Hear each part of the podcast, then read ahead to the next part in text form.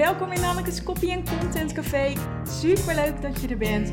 Dit is echt dé plek waar je tips krijgt over copywriting, content marketing en storytelling, zodat jij de woorden het werk voor je kunt laten doen. Ik heb er weer ontzettend veel zin in, dus pak je favoriete drankje erbij, sit back en relax.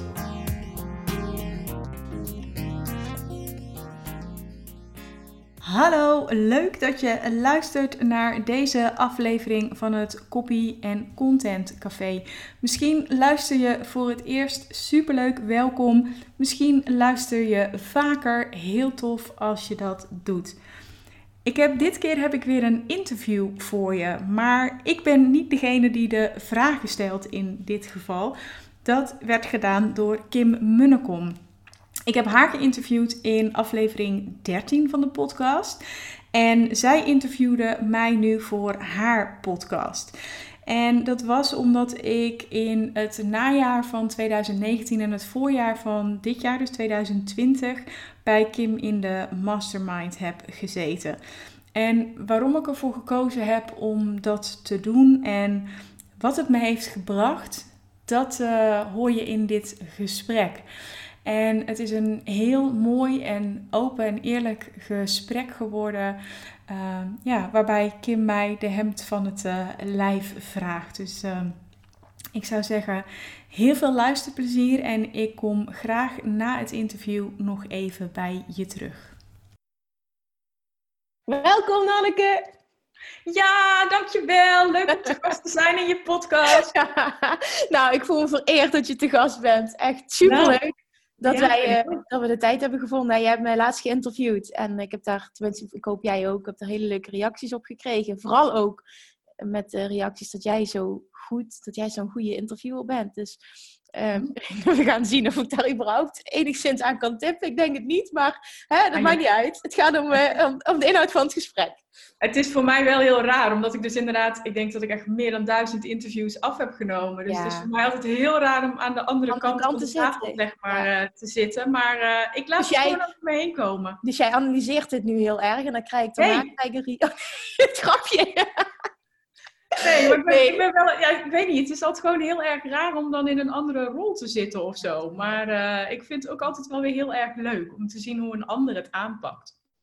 Nou ja, jij hebt een ontzettend inspirerend verhaal. Dat is ook de reden waarom uh, ik me echt vereerd voel dat ik, je, dat je hem geïnterviewen en dat je je verhaal wil delen in deze podcast. Omdat ik 100% zeker weet dat jij ontzettend veel mensen gaat inspireren met jouw verhaal, maar vooral ook ja, jouw, jouw, jouw pad, jouw ontwikkelingsreis. Dit is, dit, oh, dit is zo mooi. Ik heb dat van dichtbij mogen meemaken.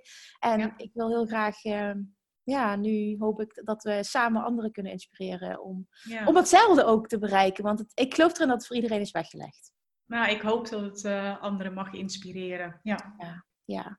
Uh, mag ik jou vragen om, om eerst eens wat over jezelf te vertellen? Want, want wie is Nanneke? Wat doe je precies? En, en ja, misschien al een stukje dat je, dat je kunt vertellen van, ja, hoe was de situatie eerst en wat is dan die reis de afgelopen maanden, half jaar, jaar geweest?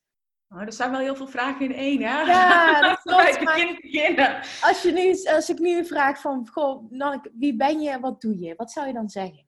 Nou, ik ben uh, Nanneke van Drunen, 41 jaar. En een hele korte samenvatting is dat ik een uh, reislustige boekenwurm uh, ben. En ik ben opgeleid aan de Academie voor Journalistiek en Voorlichting en heb jaren in dienst gewerkt als communicatieadviseur en tekstschrijver. En ben in april 2010 ben ik voor mezelf begonnen. Dus ik heb pas ook mijn tienjarig uh, jubileum gevierd. Dat was super tof.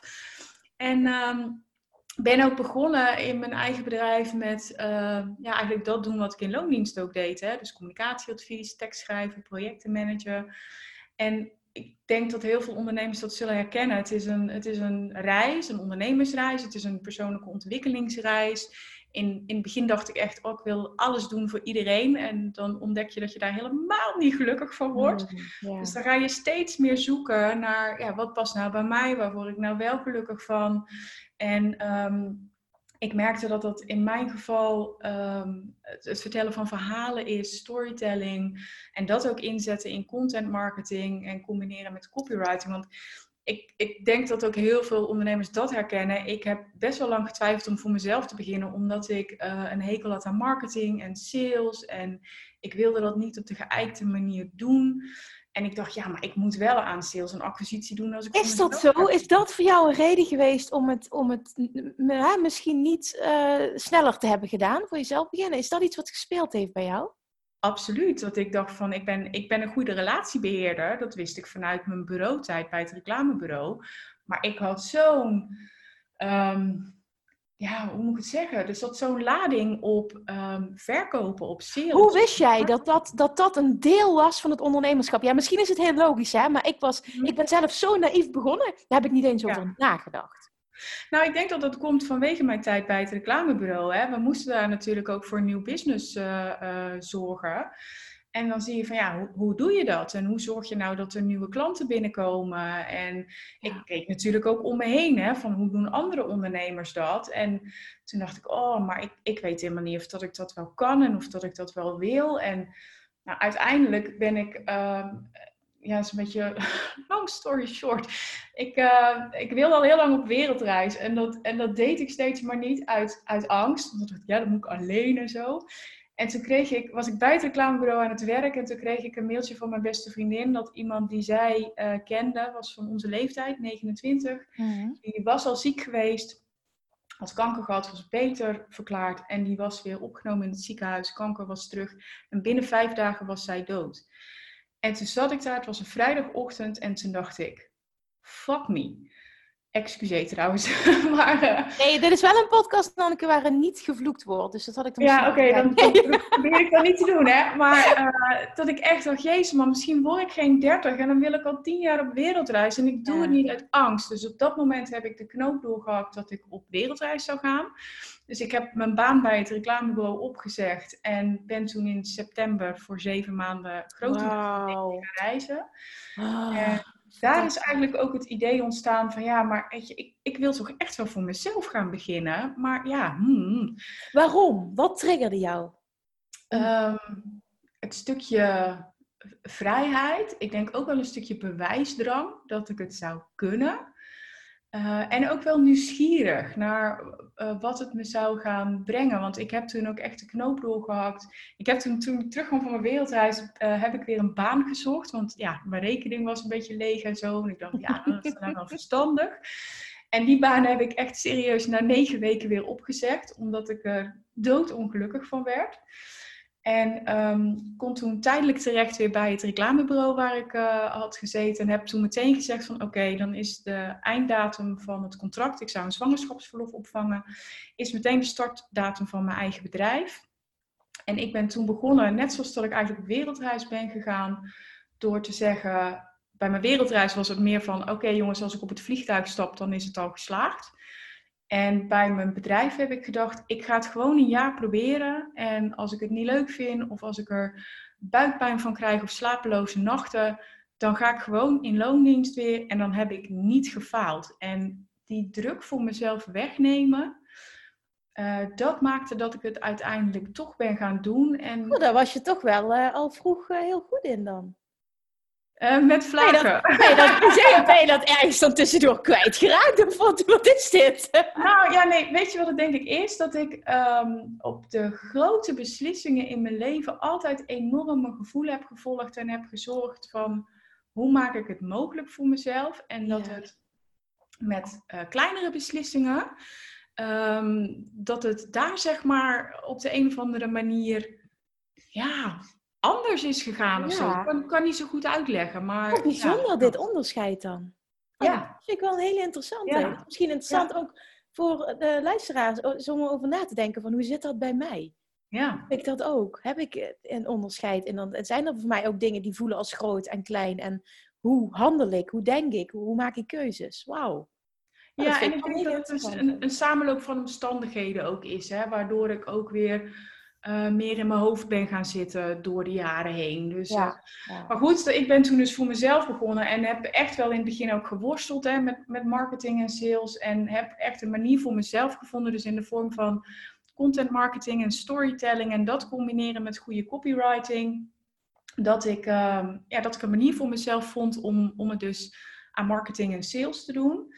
En, Hoe ben je daarbij gekomen? Ik bedoel, dat is, want nu is het zo, ik heb het ineens gevonden, maar is dat een reis geweest, een zoektocht? Het hoeft niet heel uitgebreid, maar, maar hoe? hoe? Nou ja, kijk, wat ligt dicht bij mij? Weet je, ik, ik ben een schrijver, uh, dus bloggen ging mij heel makkelijk af. En mijn expertise delen via blogs was, ja, was voor mij ook makkelijk.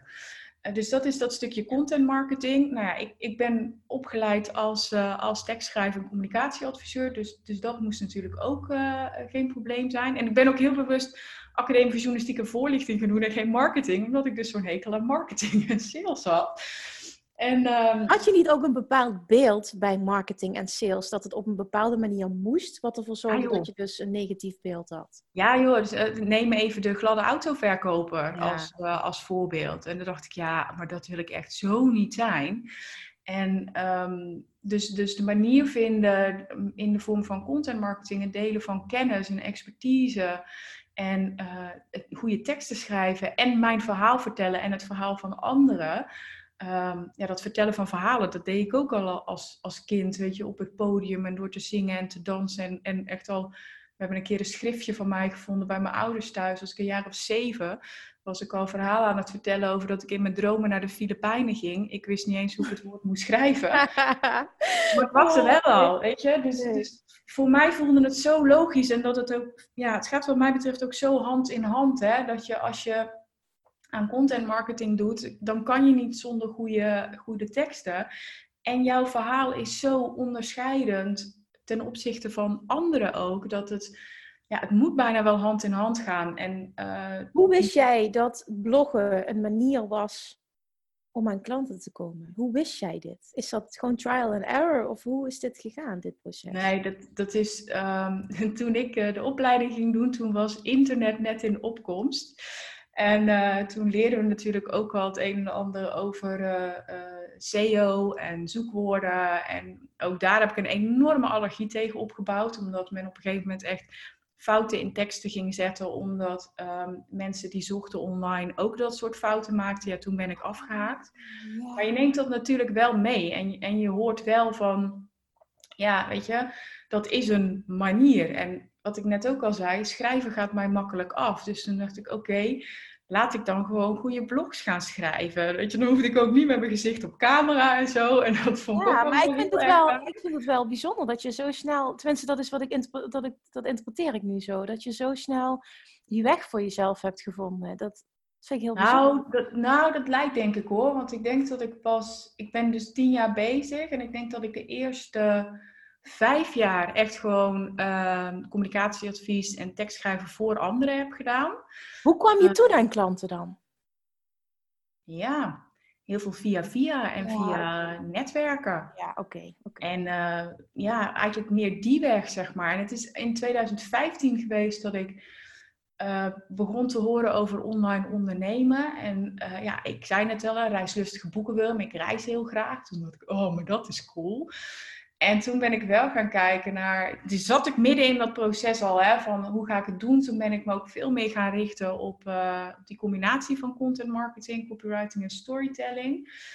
En ik ben in 2017 toen een uh, opleiding gaan doen om meer te leren over online ondernemen. En dat heeft, dat heeft heel veel in werking gesteld. En toen ben ik ook echt gaan de specifieke keuze gaan maken van oké, ik ga dus content marketing, copywriting en storytelling combineren. En daar ga ik andere vrouwelijke ondernemers mee, mee helpen om ze te leren hoe ze dat kunnen doen. Ja. Toen ben ik ook heel specifiek gaan bloggen op, um, op die onderwerpen.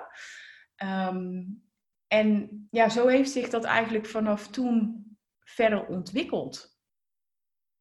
En toen merkte jij ook van, goh, bepaalde dingen werken voor mij, bepaalde dingen voelen goed, dit past bij mij, dit is het pad wat ik wil volgen, voor nu in ieder geval. Voor toen. Hè? Dat, eh, Voor toen, ja. ja klopt. Klopt. Ja. ja. En dan, daarna, is er toen een moment gekomen dat jij het gevoel kreeg, ik loop een beetje vast? Nou, misschien moeten we even één stap terug doen. Um, ik, ik heb altijd in opdracht geschreven en uh, vind dat super tof om te doen. Maar als je enigszins creatief bent, dan kan het je ook heel erg beperken, omdat iemand anders altijd bepaalt um, wat de uh, tone of voice is, hoeveel woorden het mag hebben, uh, wie je moet interviewen, waar het over moet gaan. En ik, ik baalde een beetje van dat ik die artistieke vrijheid, zeg maar, niet, uh, niet kwijt kon. Um, dus toen ben ik een serie schrijfworkshops gaan volgen in Amsterdam in het Engels. En dat heeft me ook een tijdje tegengehouden om dat te doen. Omdat ik dacht, ja, het is toch anders, hè? Niet in je, in je eigen taal, zeg maar, uh, schrijven. En ik vond die methode die je daar gebruikt werd, vond ik zo cool dat ik um, uiteindelijk een aanvraag in heb gediend om um, opgeleid te kunnen worden in die methode. Dus ik ben in 2015 ben ik naar Amerika gereisd en heb ik dus uh, een uh, training gevolgd om workshop leader te worden. En um, dat gaat meer op, op creatief schrijven en, en op ja, de verschillende manieren waarop schrijven zeg maar, je kan helpen, ook in je beroep, omdat je dus vrijer gaat schrijven. Had jij de intentie toen je die training ging volgen, um, ik ga daar bewust iets mee doen? Ja, heb ik toen ook gedaan. Ik heb toen ook een tijdje schrijfworkshops uh, gegeven en had daar de overtuiging op, en dat bleek natuurlijk ook in de praktijk dan, niemand wil daarvoor betalen. Dus dan gaf ik voor uh, 7,5 euro twee uur een schrijfworkshop uh, in de biep en dan vonden sommige Wat mensen ja, vonden dat nog te duur. En toen dacht ik echt, ja, oké, okay, maar dit gaan we dus niet doen. En um, toen is wel het ding ook gekomen van je moet natuurlijk kijken naar wat je leuk vindt, maar je moet ook kijken naar waar willen mensen voor betalen. Dus dat ja. is daarin ook echt een zoektocht uh, geweest.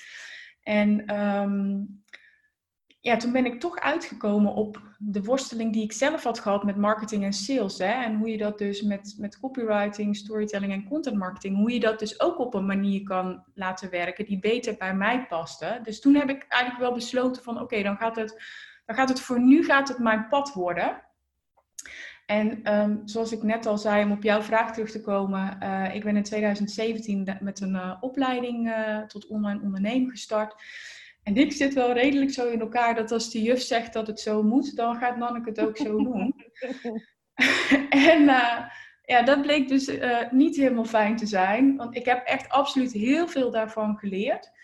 Um, en heel veel ook voor elkaar gekregen. Weet je, ik heb mijn eerste online trainingen heb ik, uh, heb ik ontwikkeld. Allemaal super tof.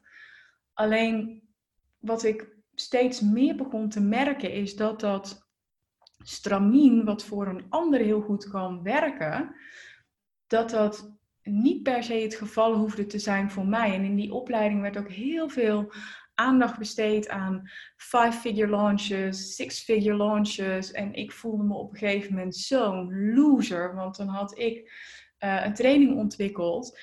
En dan verkocht ik hem niet. En dan dacht ik, wat doe ik nou toch verkeerd? Dat, dat het gewoon niet lukt, weet je wel. Dus die druk op geld en, en je moet deze stappen volgen, want alleen dan uh, lukt het. Ik werd daar zo vet gefrustreerd van dat ik, um, nou, ik denk dat dat combinatie ook is geweest. En ik zat ook op een interimachtige klus nog, um, waar ik ook niet heel gelukkig werd. En toen heb ik eind 2018 is dat dan, denk ik.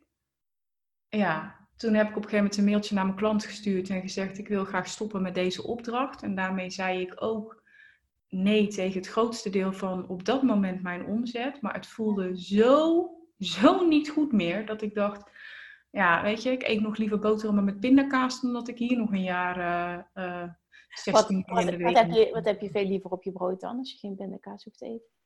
Uh, chocoladepasta? Nee. Dat nee. Ja, dat snap ik het. Dat is best een heftige overweging geweest dan. Nee, nee, nee. Ja, dat, dat, was echt heel moeilijk. Maar ik voelde ook aan alles dat ik um, een pad te bewandelen had. En dat ik door mezelf steeds vol te zetten met werk voor klanten, dat ik mezelf als klant, zeg maar, de hele tijd achteraan liet uh, hangen. Dus toen ben ik gestopt met die klus uh, op 14 februari. En op 16 februari ben ik op een vliegtuig gestapt voor een uh, reis naar uh, Java en Bali. En op Bali heb ik toen um, de inhoud van mijn online training of mijn online programma Senza heb ik um, in elkaar gezet. En daar ben ik een pilot mee gaan draaien in april.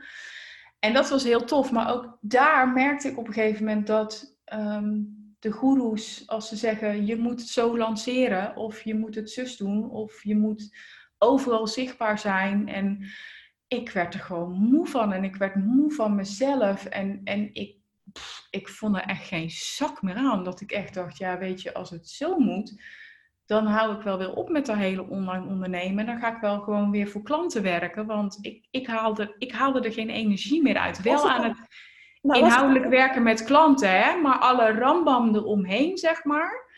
Um, wat maakte dat jij niet, dat je niet zag, het kan ook anders? Of zag je dat op dat moment niet, of wilde je dat niet zien? Of waren die mensen niet in je, uh, ja, weet niet, in je vizier?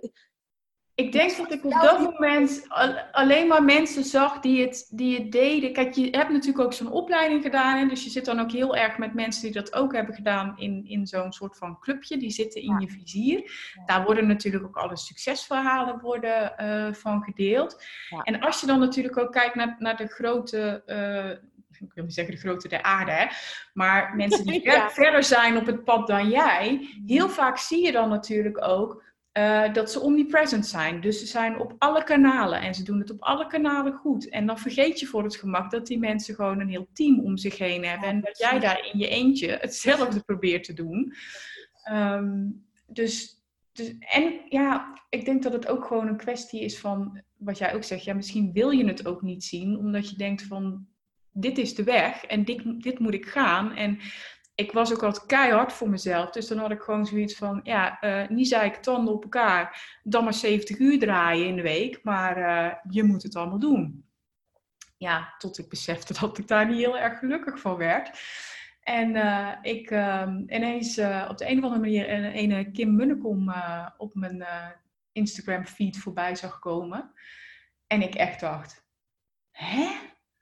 Ze heeft alleen een podcast. En Wat is dat voor een thread? Wat meent hij zich al niet? Hoe kan dat nou? Weet je dat? Is het, zo, is het zo gegaan? Was ik de eerste, wat, wat, ja, ik zal niet de eerste zijn geweest, maar dat is wel wat je zag toen, wat voor jou nieuw was toen? Ja, ja. Ja, dat ik echt dacht, hoe dan? Ze heeft een podcast en één social kanaal en ze doet het gewoon keihard. En dat intrigeerde mij echt enorm. En ik denk dat dat voor mij ook ehm, de grootste reden was. Natuurlijk ook dat ik, dat ik zelf uh, issues had waar, waarvan ik dacht, joh, dat moet toch anders kunnen. Maar de manier waarop jij je marketing aanpakte, is denk ik de grootste reden geweest waarom ik um, ja heb gezegd tegen de, tegen de mastermind toen. Kun jij, eh, dat is misschien wel even leuk om mensen daarin mee te nemen. Um, ik kan me namelijk dat gesprek dat wij hadden de eerste keer nog ontzettend goed herinneren. Ik zal niet zeggen woord voor woord, maar ik kan me, kan me vooral het, het, het, gevoel, in ieder geval, ehm, hè, je snapt wat ik bedoel, de, de, de, ja, in ieder geval de vibe die jij uitstraalde, dat bedoel ik helemaal niet negatief, hè? het was gewoon anders. Het was anders, ja. Ja. Um, wel, ja, kun je daar zelf iets, hoe heb jij dat ervaren? Zou je dat eens willen, willen toelichten, hoe jij dat eerste gesprek ervaren hebt dat wij toen hebben gehad? Ja, dat wil ik wel. Um, ik, ik, was, ja, ik was jou dus tegengekomen. Ik, ik had wat podcasts en zo geluisterd. En toen kwam dat van die mastermind voorbij. En toen, ik weet niet, van de ene kant vond ik het vet vaag. Want er stond eigenlijk alleen maar, ja, we hebben een mastermind en we gaan een paar maanden met elkaar werken. En toch was er blijkbaar iets wat mij triggerde. Dus toen heb ik, uh, eerst heb ik het nog een paar keer uitgesteld. Dus ik dacht, nee, nee, nee, ik ga, ik ga daar aanvraagformulier niet invullen. Ja, toch wel, nee, ja, nee. Uh, uiteindelijk gedaan. En toen uh, hebben we elkaar gesproken. En toen zat ik ehm, in een lancering voor mijn online programma Senza. En um, die voelde heel erg zwaar op dat moment. En daar hebben we het ook over gehad in het, in het gesprek. En dat um, ja, jij zo'n voorbeeld bent van hoe het zeg maar met minder middelen moeitelozer zeg maar gaat. En wij hebben toen een gesprek gehad en um, ja, dat ging onder andere daarover en een paar andere dingen waar ik uh, in mijn leven, dat was meer ook in mijn privéleven, hmm. waar ik tegenaan liep. En ik weet Wat wel ook heel erg verband hield hè, met de manier waarop je dus in het leven uh, stond. En, en ja ja, alles houdt verband met elkaar. Want, ja. Ja, de manier waarop je met dingen omgaat en naar dingen kijkt en over dingen denkt. Zeker als eenpitter, uh, je neemt jezelf mee in je bedrijf. En dat had ik natuurlijk ook. En ik weet nog dat jij zei van, nou, wat mij betreft is het een go. Ehm, en dat ik het heel fijn vond dat je me niet op dat moment dwong om te zeggen, ja, ik wil meedoen of nee, ik wil niet meedoen. Ja. En toen zei je, nou, denk er maar even over na en dan, dan hoor ik het wel. En ik weet nog dat ik jou volgens mij een week of zo daarna heb ik jou een mail gestuurd. Ja. Ehm, waarin ik aangaf dat ik heel erg twijfelde, maar dat die twijfel bij mij zat. En toen kreeg ik een mail van jou terug, waarin je iets schreef in de trant van... eh, ja, maar ben je bang omdat je denkt ehm, dat je het niet kunt? Of omdat het zo anders is dan wat je altijd hebt gedaan? Ja, precies. Ja. En toen ben ik gaan lopen. En normaal heb ik dan altijd podcasts zo op. En toen dacht ik, nee, nou moet je even gaan lopen met, met je eigen gedachten, Anneke. En ik weet nog dat ik op een gegeven moment ergens liep. En toen dacht ik, fuck, ze heeft gewoon gelijk. Ik vind het spannend omdat het ontastbaar is. Ik Ja. heb geen idee wat we gaan doen. En toch zei iets in mij, Nanneke, doen. En toen ben ik naar huis gegaan, heb ik jou een mailtje gestuurd dat ik het ging doen. En er kwam een hele enthousiaste reactie van jou op terug. Ja, want, want als je dit, jouw verhaal naast het van mij legt, hoe ik het heb ervaren, eh, Ja. is het misschien wel heel erg leuk om dit te vertellen. Want we hadden dit gesprek en voor mij was, het, was, was jij ehm, toch wel degene die er ehm, eh, ja, tussenuit stak Mhm. qua anders zijn. Snap je wat ik Mhm. bedoel? Nee? Nou, eh, oké, dat ga ik dan toelichten. Eh, dat, dat ik merkte dat eh, normaal gesproken was, was al op dat moment zo. Trek ik heel erg mensen aan die eh, toch ook al heel erg eh, op gevoel keuzes maken en, en zich nog meer daarin willen verdiepen. En, en ik merkte eh, aan het gesprek, of in het gesprek, merkte ik aan jou dat jij dus heel erg de behoefte had om het concreet te hebben. En je, je wilde Mhm. echt van mij, en, en wat houdt het dan precies in? En, en, en dit en dat. En, en ik weet nog dat ik zei, maar dat, ja, dat, ik, dat is gewoon inderdaad hoe, hoe dat ik ben. Ik zeg van ja, ehm, ik snap dat je dat wil, alleen kan ik dat nu niet geven, omdat ik er dus heel erg in geloof dat het dat ontstaat wat er moet zijn met mijn, met mijn zweefpraat. Hè? Zo eh, op die manier meer. En ik merkte dat, eh, tenminste dat was mijn interpretatie, dat jou dat een soort van onbevredigend gevoel gaf. Wat ik, kan- wat ik kan begrijpen. En ik had het idee dat we, dat we eh, qua, ja, qua persoonlijkheden op dat moment gewoon niet matchten. Dat jij echt wat anders nodig had. Dat was mijn gevoel naar aanleiding van het gesprek. Maar ik wist ook, en daarom zei ik, wat mij betreft is het een go. Ik wist wel, als jij nu ja zegt, dan weet ik zeker dat je ook echt gaat transformeren. Zo voelde dat voor mij. En daarom had ik zoiets van, oké, ik, ik laat het echt bij jou. Het is volledig aan jou. Het is helemaal oké. Ik vind dit zo'n leuke uitdaging. Ik zie dit helemaal zitten. En ik bedoelde dat alleen maar positief. En toen zijn, wij, zijn we inderdaad eh, ja, die call eh, beëindigd. En het eerste wat ik dacht, dat gaat hem niet worden. Die gaat dat niet Dat is echt 100% mijn overtuiging, die gaat dat niet doen. Dus jouw mail ehm, was, was eigenlijk de eerste mail, nou, dat, dat, dat was nog steeds mijn overtuiging, die gaat het niet doen. Dus ik heb vanuit alle eerlijkheid erop geantwoord van hoe ik het zag. En dat jij dan uiteindelijk, door zo de confrontatie met jezelf aan te gaan, die beslissing neemt. En toen was ik ook echt oprecht zo enthousiast, omdat ik wist, als ze dit doet, gaat er heel veel gebeuren. Ja, en ik denk dat het voor mij ook was eh, dat ik natuurlijk heel erg vast had gehouden aan ehm, opleidingen en trainingen die zeggen je moet het zo, zo, zo, doen en dan gaat het succesvol zijn. En dat dat in mijn geval dus niet werkte. Dus dat ik eigenlijk op zoek was naar iets anders. Maar het ook wel heel spannend vond om, om dat denk ik los te laten. En ook aan mezelf toe te geven van oké Nanneke, dat, dat was het dus niet. Maar wat dan wel? En dat ik ook wel besefte dat dat dat iets anders van mij zou vragen. En ik had echt helemaal niks met we- wet van aantrekking. Ik wist er geen zak vanaf. Ik heb toen, ehm, wij hebben afgesproken dat ik in de mastermind zou stappen. Heb ik heel snel twee boeken van Egon Dick besteld. Waarvan ik in eerste instantie ook nog dacht, oh mensen gaan nog heel hard lachen. Ik dacht, oh Abraham Hicks en dan heb je Esther en Jerry, is vast de vader. Ja, dat was dus even niet zo. fantastisch dit, wat leuk. Ja. Ja, dus ik ben eh, nog als een meloot, voordat wij de eerste live dag hadden, ben ik, eh, ben ik die twee boeken gaan lezen. Omdat ik dacht, ja, dan weet ik tenminste een beetje waar ze het over hebben. Anders ben ik dadelijk de enige die daar zit, die helemaal niet snapt wat die hele wet van aantrekking is en zo. Dus ik, ik had daar echt, echt werkelijk waar helemaal niks mee. Ik vond The Secret destijds was een hype. En toen dacht ik, oh, als iedereen die hype cool vindt, dan vind ik het al niet cool, zeg maar. Is ook echt mijn ding geweest, hè. Maar ja, dus dat is ook interessant hè, dat je dan toch die keuze maakt. Dat er iets in jou zegt, ik moet dit Ja. doen. Ja, ja, dat was dan toch weer dat gevoel wat ik dan toch wel weer heb gevolgd bij de grotere beslissingen in mijn leven. Ja. zo. ja. En, en vervolgens, wat, wat gebeurt er dan? Dan heb je de eerste live dag en uh, dan krijg je als opdracht van jou mee dat ik uh, de wekker niet meer mocht zetten. dit gaat, als mensen dit horen, die denken echt, what the fuck? Hoe ja. gaat dit over? Ja. ja Oké, okay, vertel eens. Wat, wat, ja, nou dat kwam natuurlijk omdat we het hebben, hadden over um, uh, ja, je mooiste leven leven en uh, doen waar je blij van wordt. En toen zei ik, oh, ik heb zo de balen van die wekker. En zei ja, dan zet je hem toch niet meer. Ja, dat ik echt kan toch niet, want ik heb afspraken en deadlines. En ja, dus alles in mij kwam in opstand. En toen hebben we op een gegeven moment, heb je volgens mij echt letterlijk gevraagd van, dus je gaat de wekker niet meer zetten. Nou oké, vooruit, dan ga ik de wekker niet meer zetten. Ehm, dus dat had ik ook gedaan. En dat was heel makkelijk, want dat was daarna per zaterdag. En dan zet ik sowieso geen wekker. En op zondag ook niet. Dus dat was vrij makkelijk om eraan te voldoen. En toen werd het maandag, heb ik ook geen wekker gezet. En op dinsdag ook geen Hoe wekker. voelde dat? Weet je dat nog? Voelde dat, voelde dat zwaar oncomfortabel? Of hoe kun je dat nog herinneren? Hoe was dat?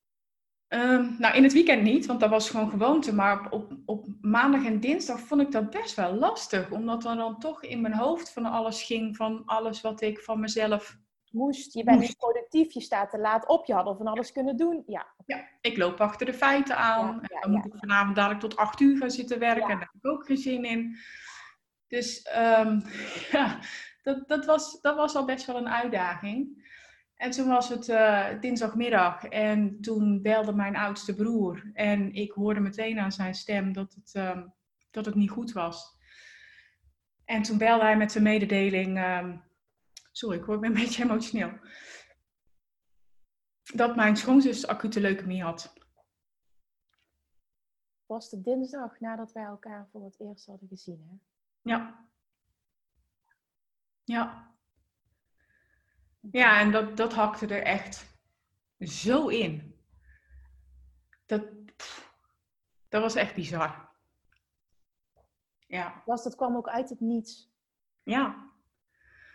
Dat kwam echt uit het niets. In, in onze beleving was zij gewoon gezond. Ja, ze was de laatste tijd wat sneller moe en kortademig. En ze ging naar het ziekenhuis en kreeg deze diagnose. En de arts hadden zoiets van, dat was op een dinsdag. En ze wilde eigenlijk op donderdag starten met de behandeling. En toen zei mijn schoonzus, ik weet niet of ik wel behandeld wil worden. Ja, dus dat is, dat is, dat is heel heftig. En dat zet ook alles in perspectief. En ik was op dat moment ook gewoon nergens toe in staat. Ik kon niet eens meer werken, bij wijze van spreken, weet je. Het was zo zo'n heftige diagnose en zo heftig als je schoonzus, met alle respect, hè, want het is haar leven, dan ook zegt: Ik weet niet of ik me wil laten behandelen. En ze meekreeg van: We weten niet ja, hoe lang je nog hebt. Het kan een jaar zijn, het kan twee weken zijn. En achteraf hebben ze tegen haar gezegd dat zij dus meer in de categorie twee weken viel dan een jaar. Maar zij heeft dus uiteindelijk besloten om zich toch te laten behandelen. En um, is toen op donderdag het ziekenhuis ingegaan. En heeft daar vervolgens een aantal maanden ja, gelegen in quarantaine. Terwijl ze behandeld werd. Ja, en jij communiceerde dat vervolgens naar ons, naar de groep. Ja. En wij waren ook net zoals jij heel erg in shock. Ja. Um, kun je, kun je nog herinneren hoe dat op dat moment was voor jou? Hoe dat jou als persoon beïnvloed heeft? En dus ook hoe jij ging ondernemen? Of wat er met jou gebeurde, business-wise ook? Nou, op dat moment stond ondernemen stond echt onderaan het prioriteitenlijstje. Want ik wilde er gewoon zijn voor, voor mijn broer, voor mijn schoonzus, voor mijn familie, uh, voor mezelf. Uh, dus, dus, op dat moment had werk had even geen prioriteit. Ik, ik heb echt gedaan wat ik moest doen. Ik heb ook meteen tegen de deelnemers van, van mijn online programma gezegd: uh, Dit is er aan de hand. En die zeiden allemaal heel lief: Nanneke, familie gaat voor, dit gaat voor, maak je me ons geen zorgen. Uh, doe wat je moet doen. Ja. Dus dat is echt al heel erg fijn als, als klanten dat zeggen. Ook een paar andere klanten die ik heb geïnformeerd en die allemaal hetzelfde zeiden. Manneke, dit gaat voor. Dus dat was wel heel fijn, waardoor ik echt die tijd kon nemen, ook, ook voor mezelf. Dus ik, ik moest, weet je, ik heb best wel een tijdje mijn, mijn verstand voor laten gaan op mijn gevoel. En op dat moment kon ik niet anders dan voelen. En ik zat enorm in mijn verdriet. Dat hebben jullie allemaal gezien en meegemaakt. En het lukte ook niet zo goed om daar, om daar uit te komen. En uiteindelijk hebben twee andere masterminders hebben aangeboden om mij Reiki op afstand te geven. En eentje heeft dat, uh, Kim heeft dat nog best wel, andere Kim, heeft dat best wel een tijdje gedaan. En dat heeft mij wel echt geholpen om zeg maar die, die piek van, ehm, van de emoties af te krijgen, waardoor ik weer wat beter ging functioneren. En we kregen bij mijn schoonzus ook echt slecht nieuws na slecht nieuws na slecht nieuws. En het ging maar door, weet je. Dan, dan dacht je dat je er weer een beetje was. En dan kwam er weer zo'n slecht nieuwsbericht. En dan moest je je weer met z'n allen, zeg maar, herpakken en, en opkrabbelen.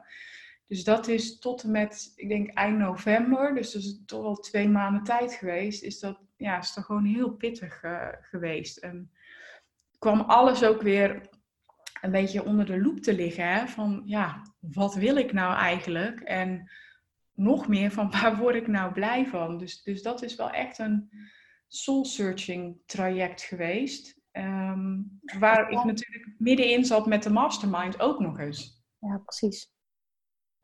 Als je dan uh, voor je, kijkt hoe jij je uh, daarin hebt ontwikkeld, hè? Mm. het is inderdaad een hele, ja, het is echt een hele heftige periode. Je hebt gewoon, je hebt je hebt echt letterlijk. Je, je vroeg bijna. Ik wil leren om de controle los te laten. Ja. En ja, ik ben je gedwongen om de controle los te laten. Ja. ja. ja. Dat kon je, weet ik niet of je dat zo kon zien. En je gunt het niemand dat daar dit voor nodig is. Maar kon je zien dat het, misschien kun je nu achteraf bepaalde dingen in perspectief plaatsen dat sommige dingen die gebeurd zijn, ehm, dat je daar heel veel van geleerd hebt. Waardoor het niet dat die situatie goed is, überhaupt niet, hè, dat die goed is of goed is geweest, maar, maar wel dat het je enigszins, als ik dat zo kan zeggen, wat gebracht heeft.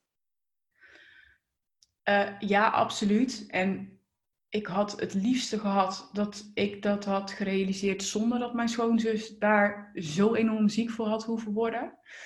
Ehm, maar ik denk dat je soms zo'n extreem iets in je leven nodig hebt om niet langer ervoor weg te kunnen lopen.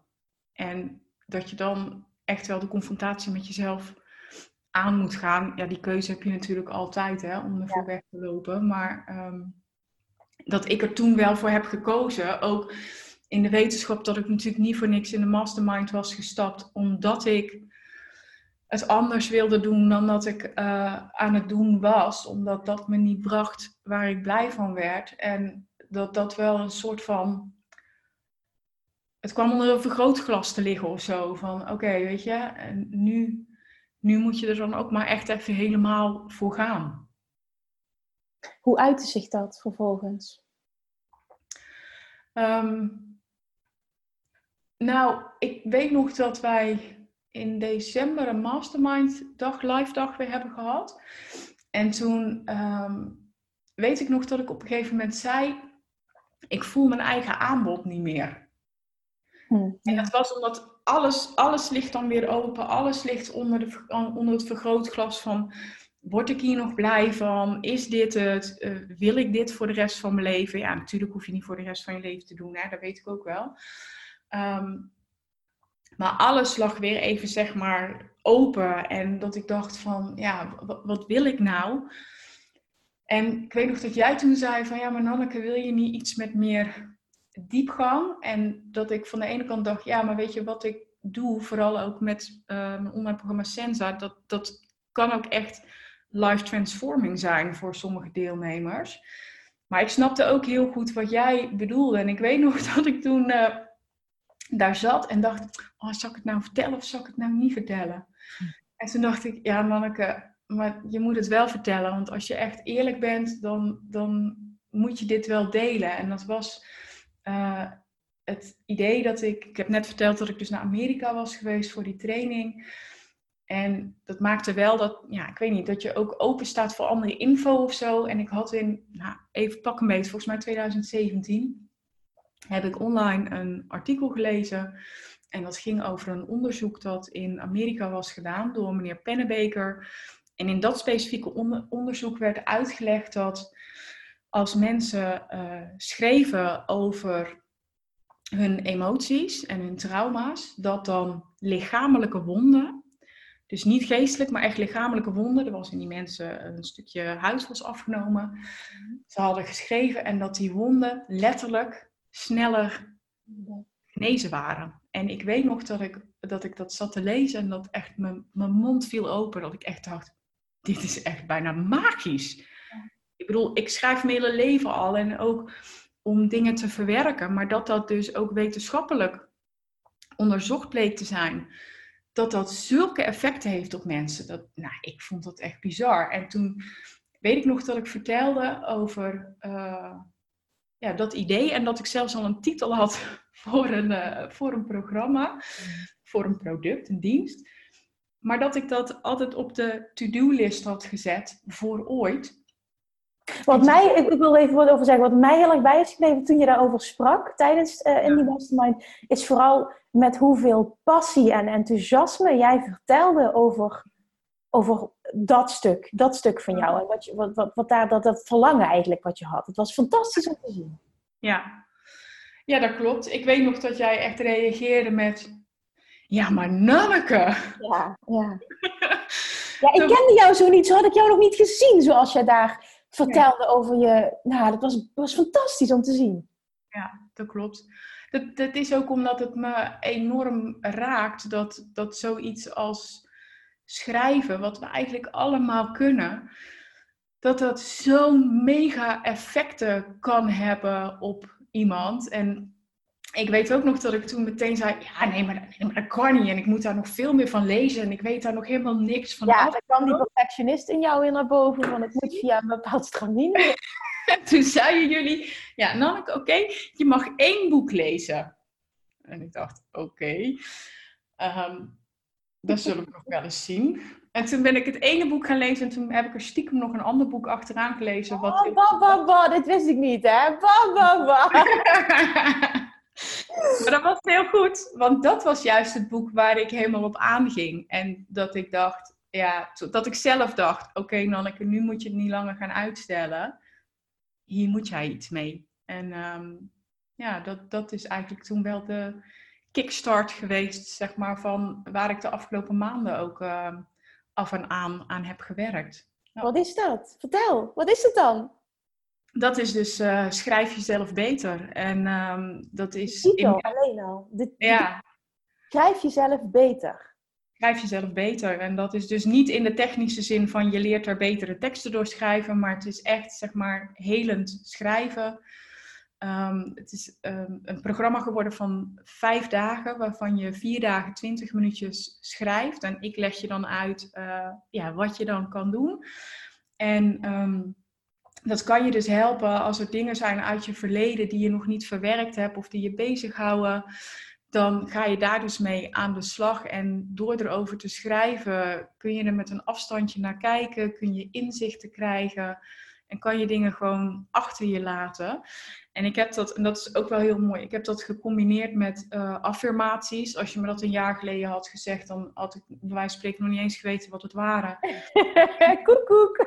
Ja, precies. En ik heb het aangevuld met, uh, met meditaties. En weet je, dan, daar hebben we het ook over gehad, hè, dat je soms denkt van, oké, maar waarom heeft dat idee nou 2,5 jaar op de plank gelegen?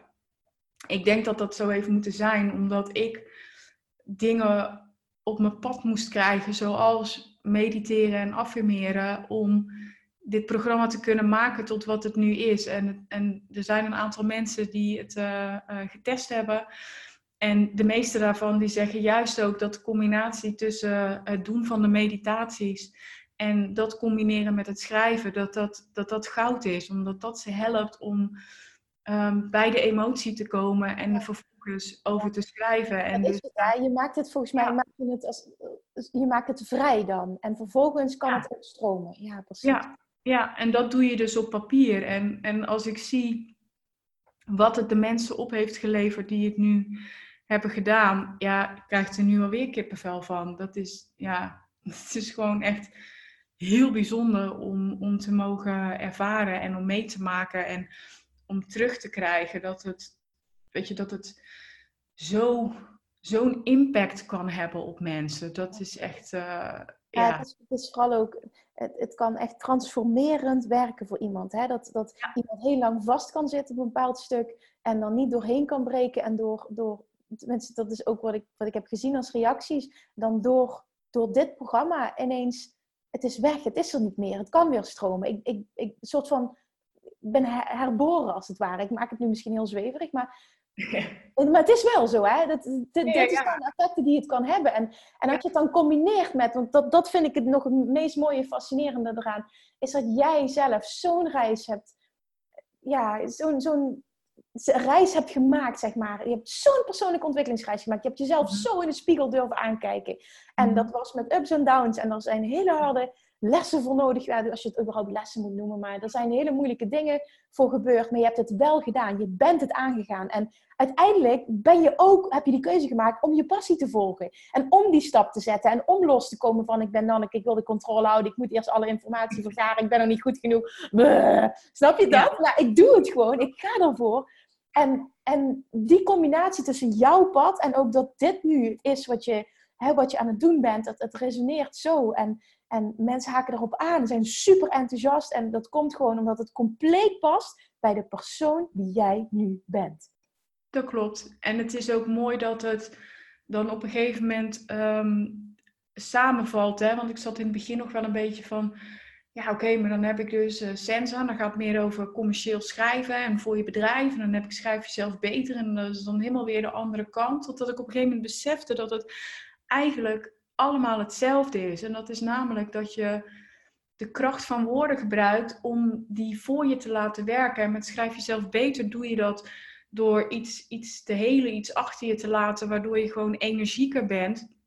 En vooral voor ondernemers ook, hè, dat neem je natuurlijk mee in je bedrijf. Dat is wat jij ook zegt. Hè? Als je lekker in je vel zit, dan stroomt het makkelijker. En als je dan vervolgens de kracht van woorden weer gebruikt om ze voor je bedrijf te laten werken, doordat je betere teksten schrijft en goede content maakt en jouw verhaal deelt. Want dat is wel echt ook wat ik, wat ik zelf heb mogen ervaren, is dat ik, um, ik kon op een gegeven moment ook niet anders meer dan toch wel iets delen over uh, het ziek zijn van mijn schoonzus en wat dat met mijzelf deed. En dat vond ik hartstikke spannend. Eerlijk is eerlijk.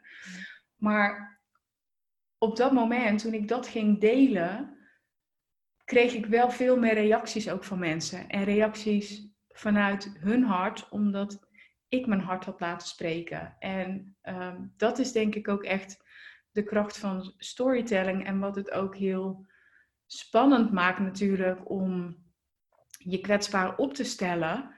Maar ik heb zelf wel ervaren dat hoe meer je dat durft te doen, hoe meer je ook bij een ander binnenkomt en, en het hart. Hoe meer een ander zich ook openstelt voor jou, waardoor die connectie ja. plaatsvindt. Ja.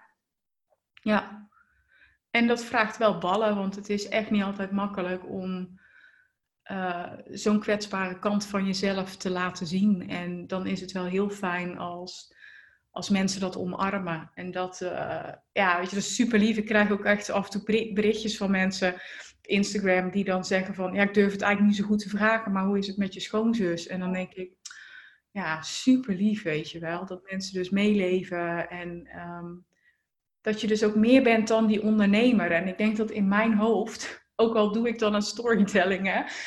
In mijn hoofd was, was ik een soort van uh, Nanneke aan het werk en Nanneke privé. En, en inmiddels, dat is natuurlijk ook een proces wat al langer gaande is. Hè? Inmiddels denk ik, ja, maar ik ben gewoon ik. En, en je neemt jezelf zo ontzettend mee in je bedrijf, dat het gewoon heel belangrijk is dat je jezelf voorop zet en dat je lekker in je vel zit. En dat het je goed gaat, zeg maar. En, en Ja. En dat het ook niet zo, uh, dat het ook samen kan gaan. Dat, dat dat ook Nanneke de ondernemer is. En ook Nanneke de persoon. Het is niet, ik ben Nanneke in het werk en ik ben Nanneke privé. Want weet je nog dat jij net benoemde, um, je zei net van, goh, dat je dat inspirerend vond. Ze heeft een podcast en ze heeft een, uh, ze heeft een Instagram-account.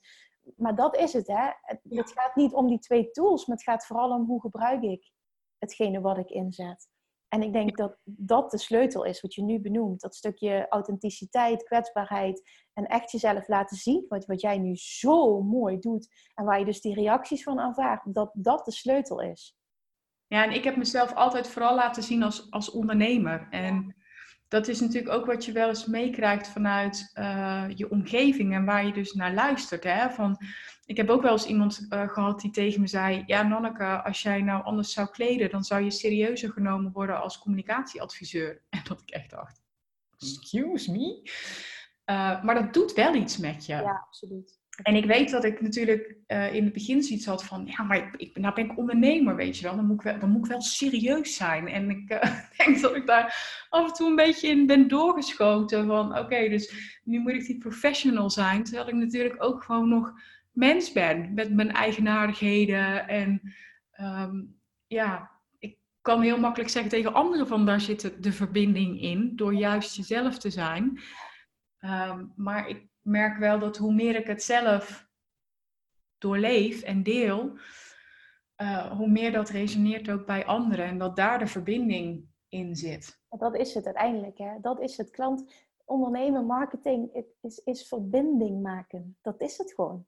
Dat is, dat is echt. En dan gaat het niet over trucjes of bepaalde strategieën, want dan kan alles werken. Maar ik denk dat het gewoon om gaat hoe zet ik het in? Zet ik het in vanuit iets wat me geleerd wordt wat niet bij mij past? Of zet ik het in vanuit authenticiteit, ik ben mezelf en uh, ik, ik, ik, ik kies iets wat helemaal met mij resoneert. En dat wordt gevoeld. En dan creëer je die verbinding waar je het over hebt. Mensen, zo zie ik het. Ja, maar het is ook een proces. Hè? Weet je, als ik, als ik nu het afgelopen half jaar op, opnieuw zou doen, liever niet, maar dan denk ik dat ik meer van mijn proces had gedeeld. Maar op dat moment kon ik dat gewoon niet. En had ik zoiets van, nee, dit is zo mijn proces. En zeker toen, toen de diagnose van mijn schoonzuster uh, nog bijkwam.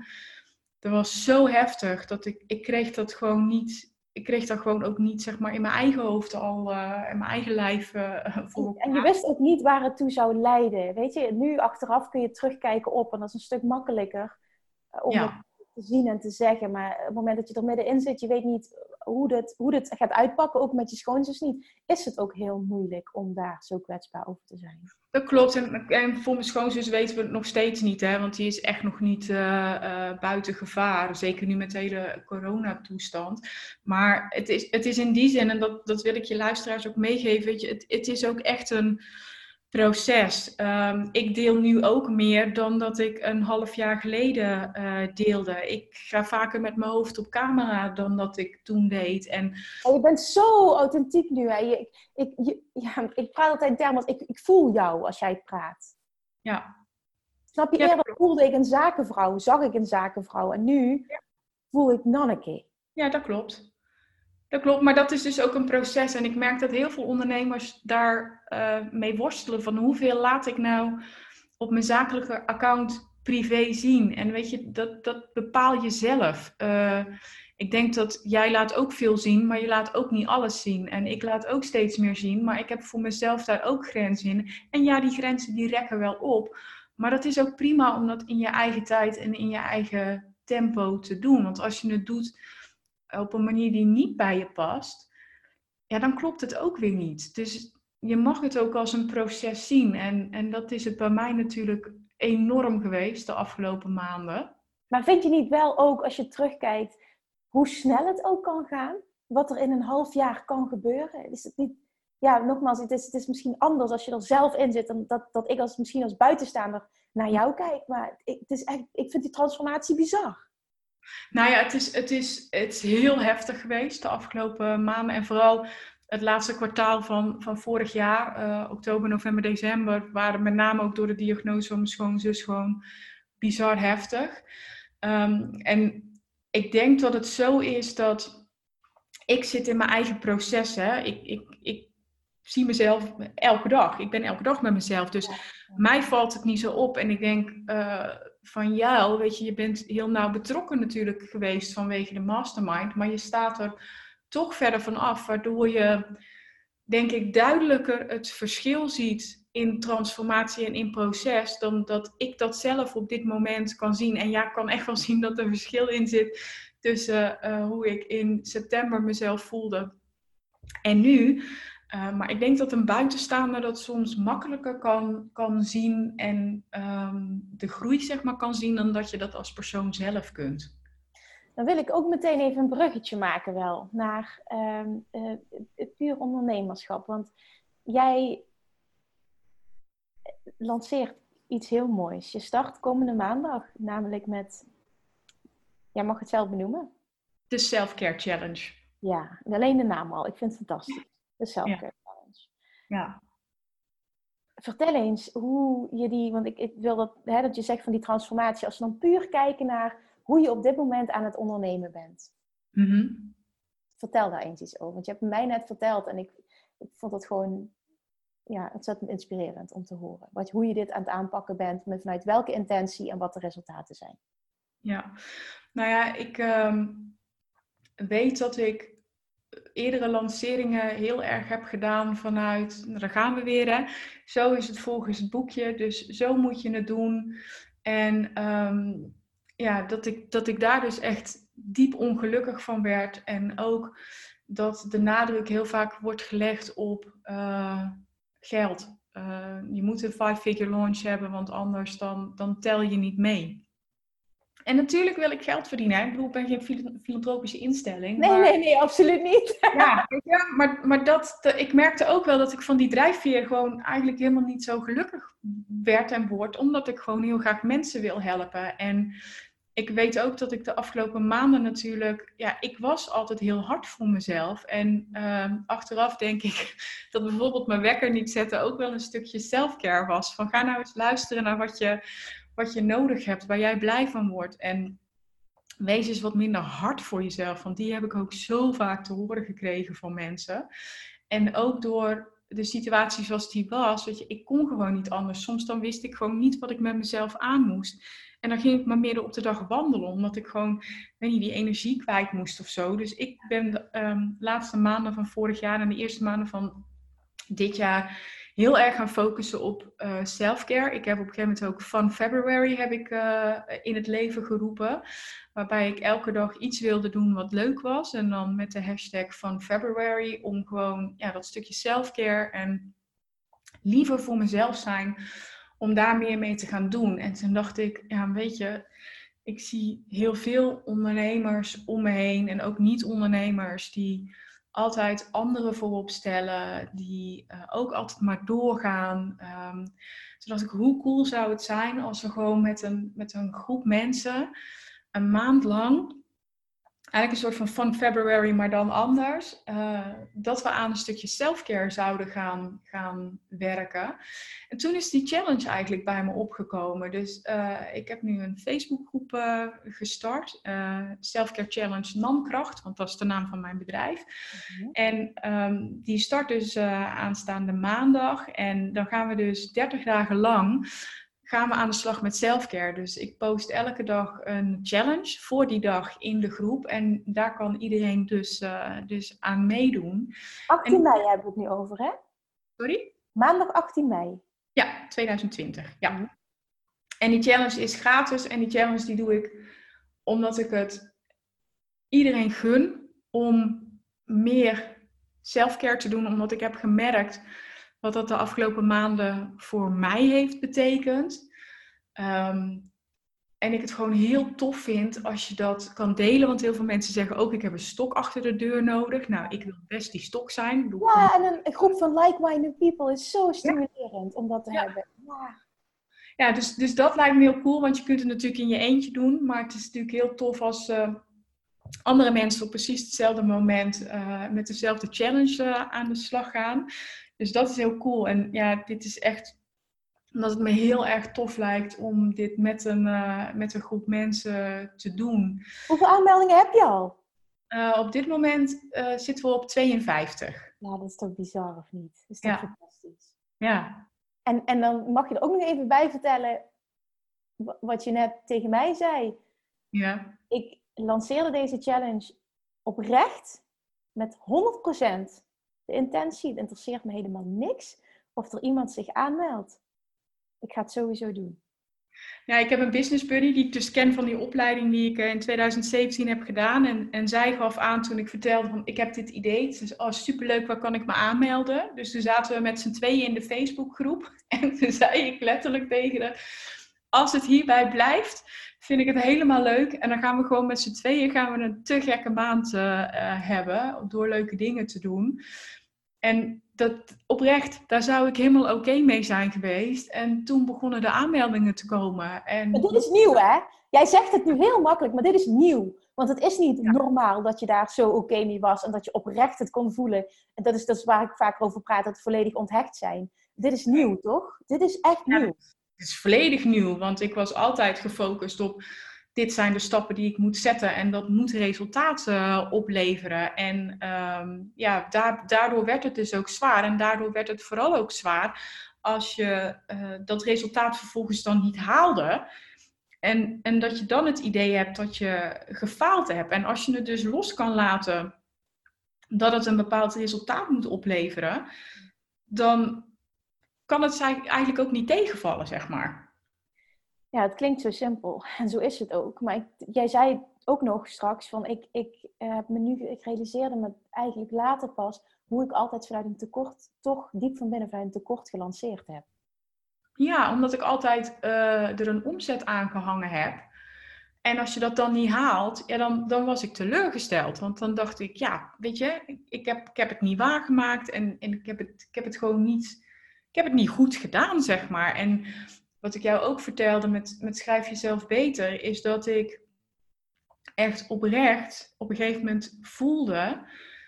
ehm, er hebben een aantal mensen het programma doorlopen en op basis van hun feedback heb ik het, eh, heb ik het aangepast en, en nog verder verbeterd. En nou, ja, dat is binnenkort klaar. Maar dat ik er oprecht oké mee ben als het hiermee blijft.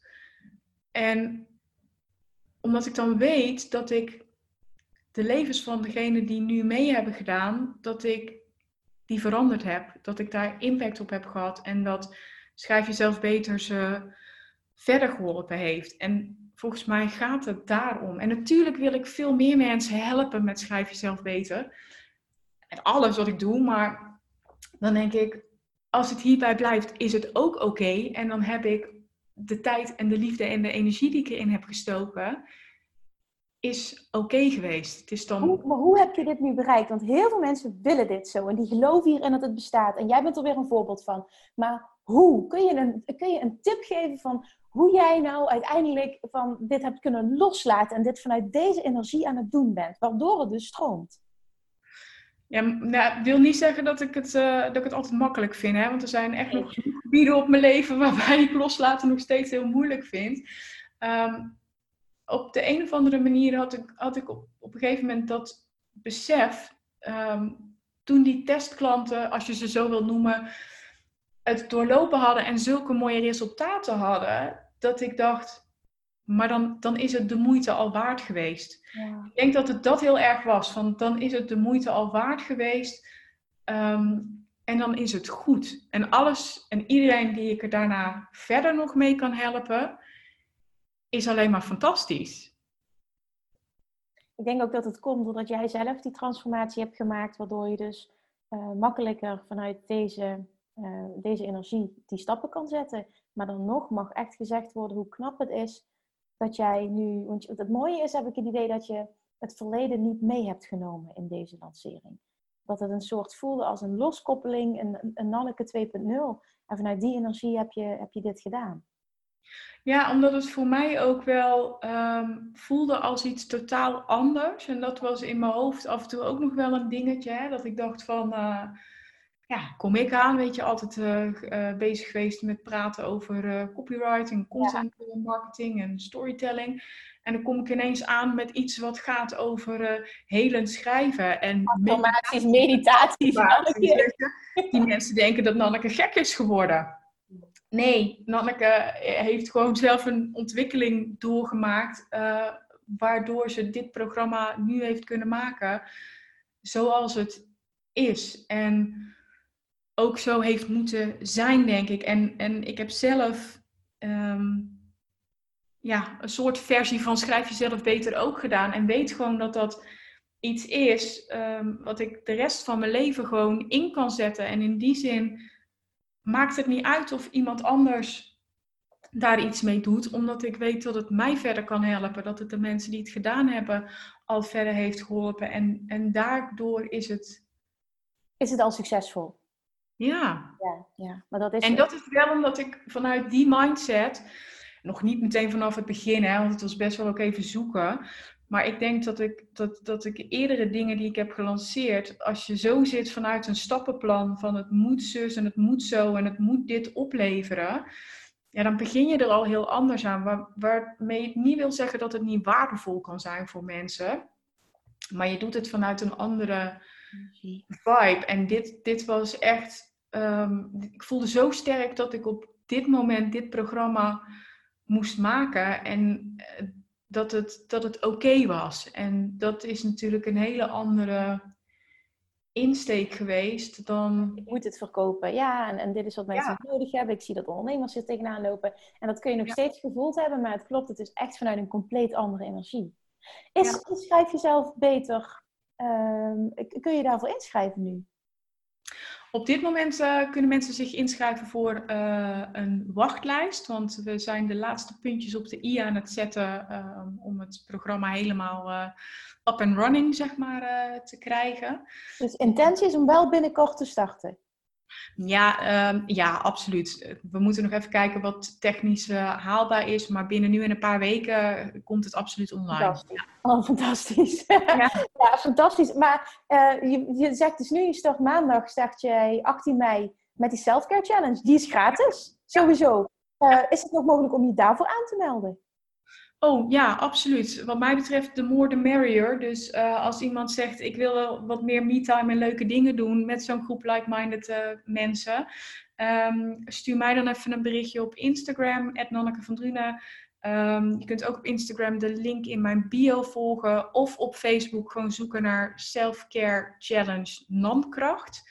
Dan vind je hem ook als het goed is. Okay. Um, ja, dus dat kan absoluut. Ja, superleuk ja, be careful what you wish for met die DM's. Want je hebt geen idee wat voor impact dit kan hebben en wat je op je hals haalt. Maar dat even terzijde. Merk ik dan wel weer. Oké, nou perfect. Goed dat je, dit ook, dat je het wel even benoemt. Oké, dus via Instagram, uh, via Facebook kunnen ze hem vinden.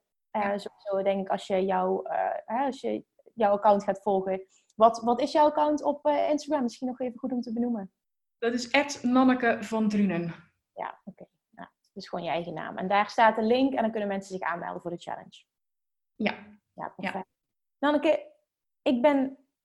Ik, ja, ik heb het al heel vaak benoemd. Je bent, ik vind jou enorm inspirerend. Als er nou, iemand is waarvan ik het van dichtbij heb mogen meemaken, die enorm, een enorme transformatie heeft doorgemaakt, wat, wat, wat, ik echt heel inspirerend vind, dan ben jij het. Ik heb je al heel vaak gezegd, maar ik meen het ook echt. Dus ik wil het je, ik wil het je nog een keer zeggen hoe knap ik dit vind. Want ja, ik weet dat jij bent heel goed ook in andere mensen credits geven voor bepaalde dingen, maar laten we heel eerlijk zijn, je hebt het echt zelf gedaan. Je hebt het, je hebt het, je hebt zelf in de spiegel aangekeken. Je bent heel, ja, heel erg de confrontatie met jezelf aangegaan. Je hebt het allemaal durven doen. En uh, je zegt ook zelf, het is een reis. Ik ben er misschien nog lang niet, dat zijn mijn woorden. Maar, maar hm. als je kijkt naar wat je bereikt hebt, is het echt bizar wat er mogelijk is. En ik vind het super inspirerend wat jij hebt gedaan.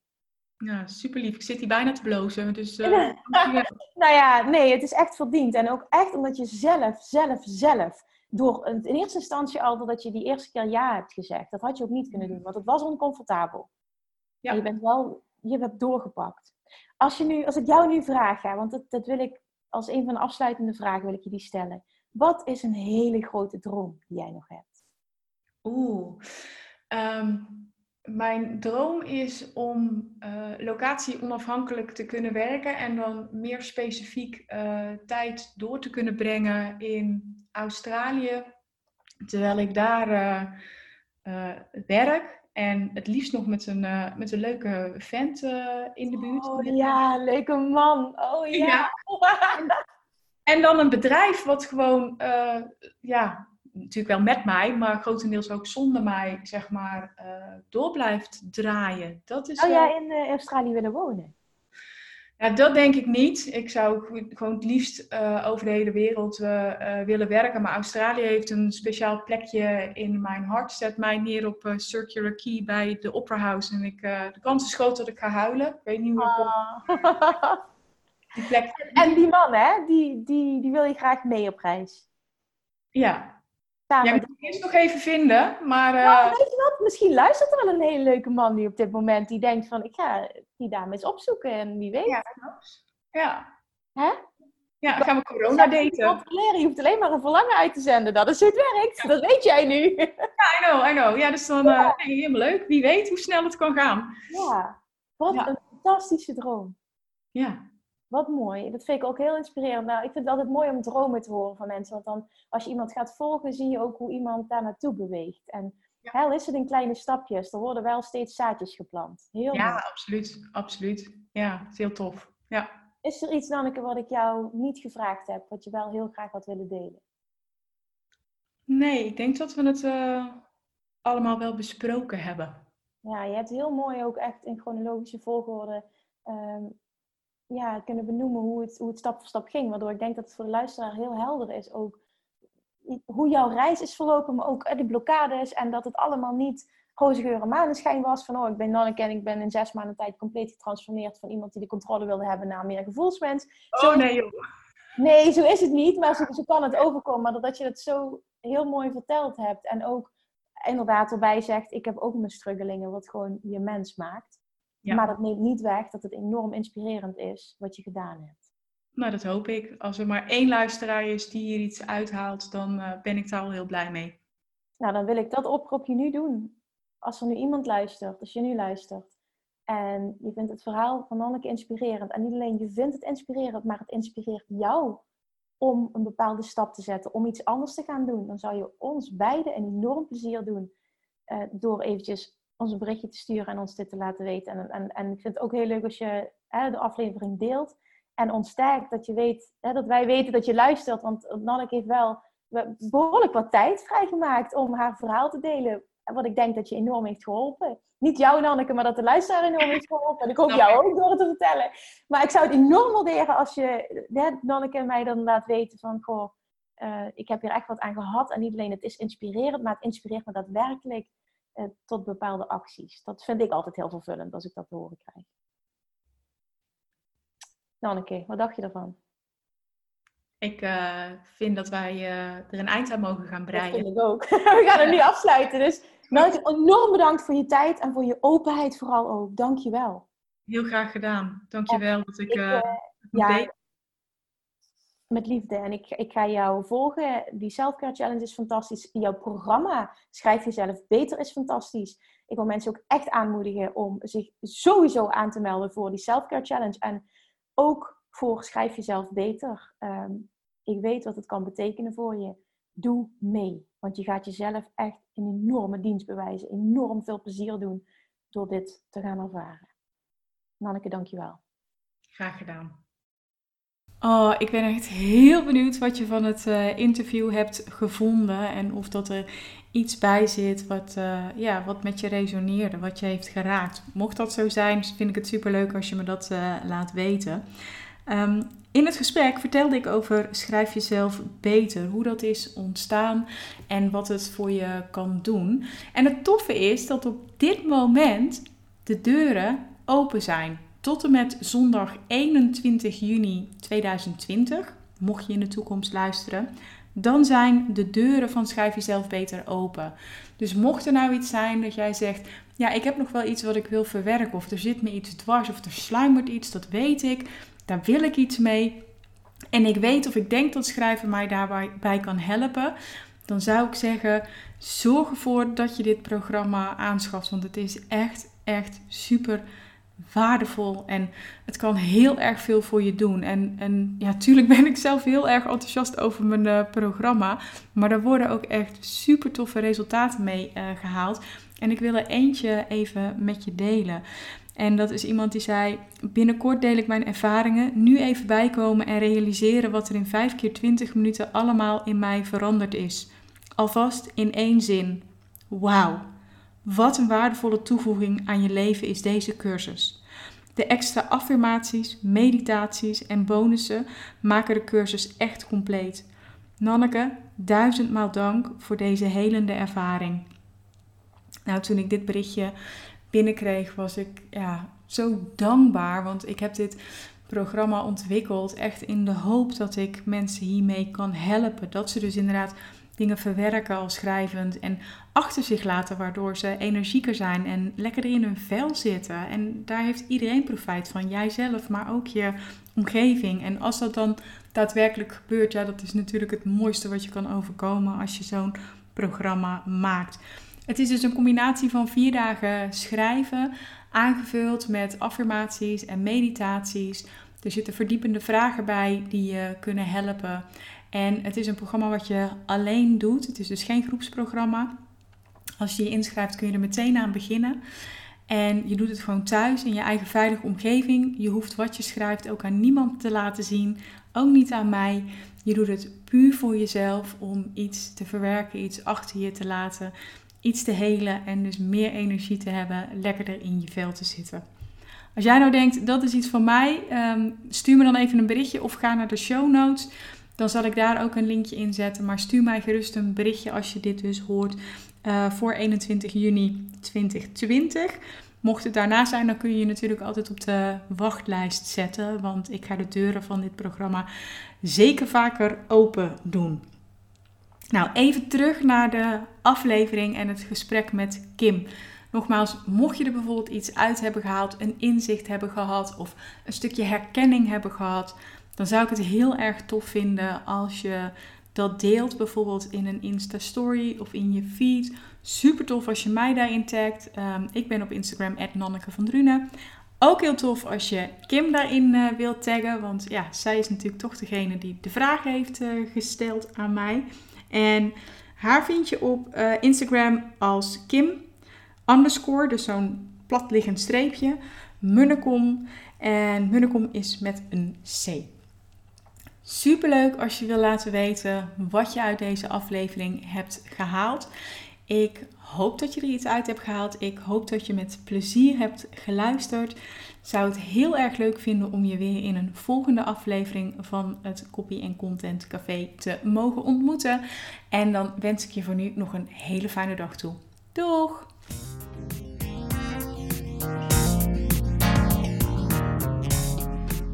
Dankjewel voor je bezoek aan het Copy Content Café. Ik hoop dat je een fijne tijd hebt gehad en de aflevering interessant vond.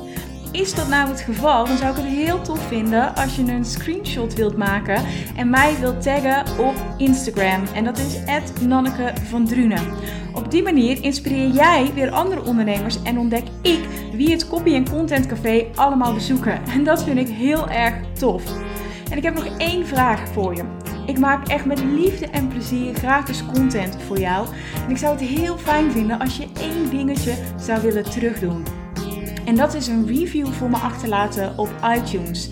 En dat kun je doen door onder de podcast helemaal naar beneden te scrollen en me daar te laten weten wat jij uit de podcast haalt. En daar help je me echt enorm mee, want hoe meer reviews er zijn, hoe meer ondernemers hem kunnen vinden. En ik weer kan helpen bij het ontdekken van de kracht van woorden voor hun bedrijf. Alvast enorm bedankt en graag tot ziens bij het volgende Copy en Content Café. Fijne dag nog!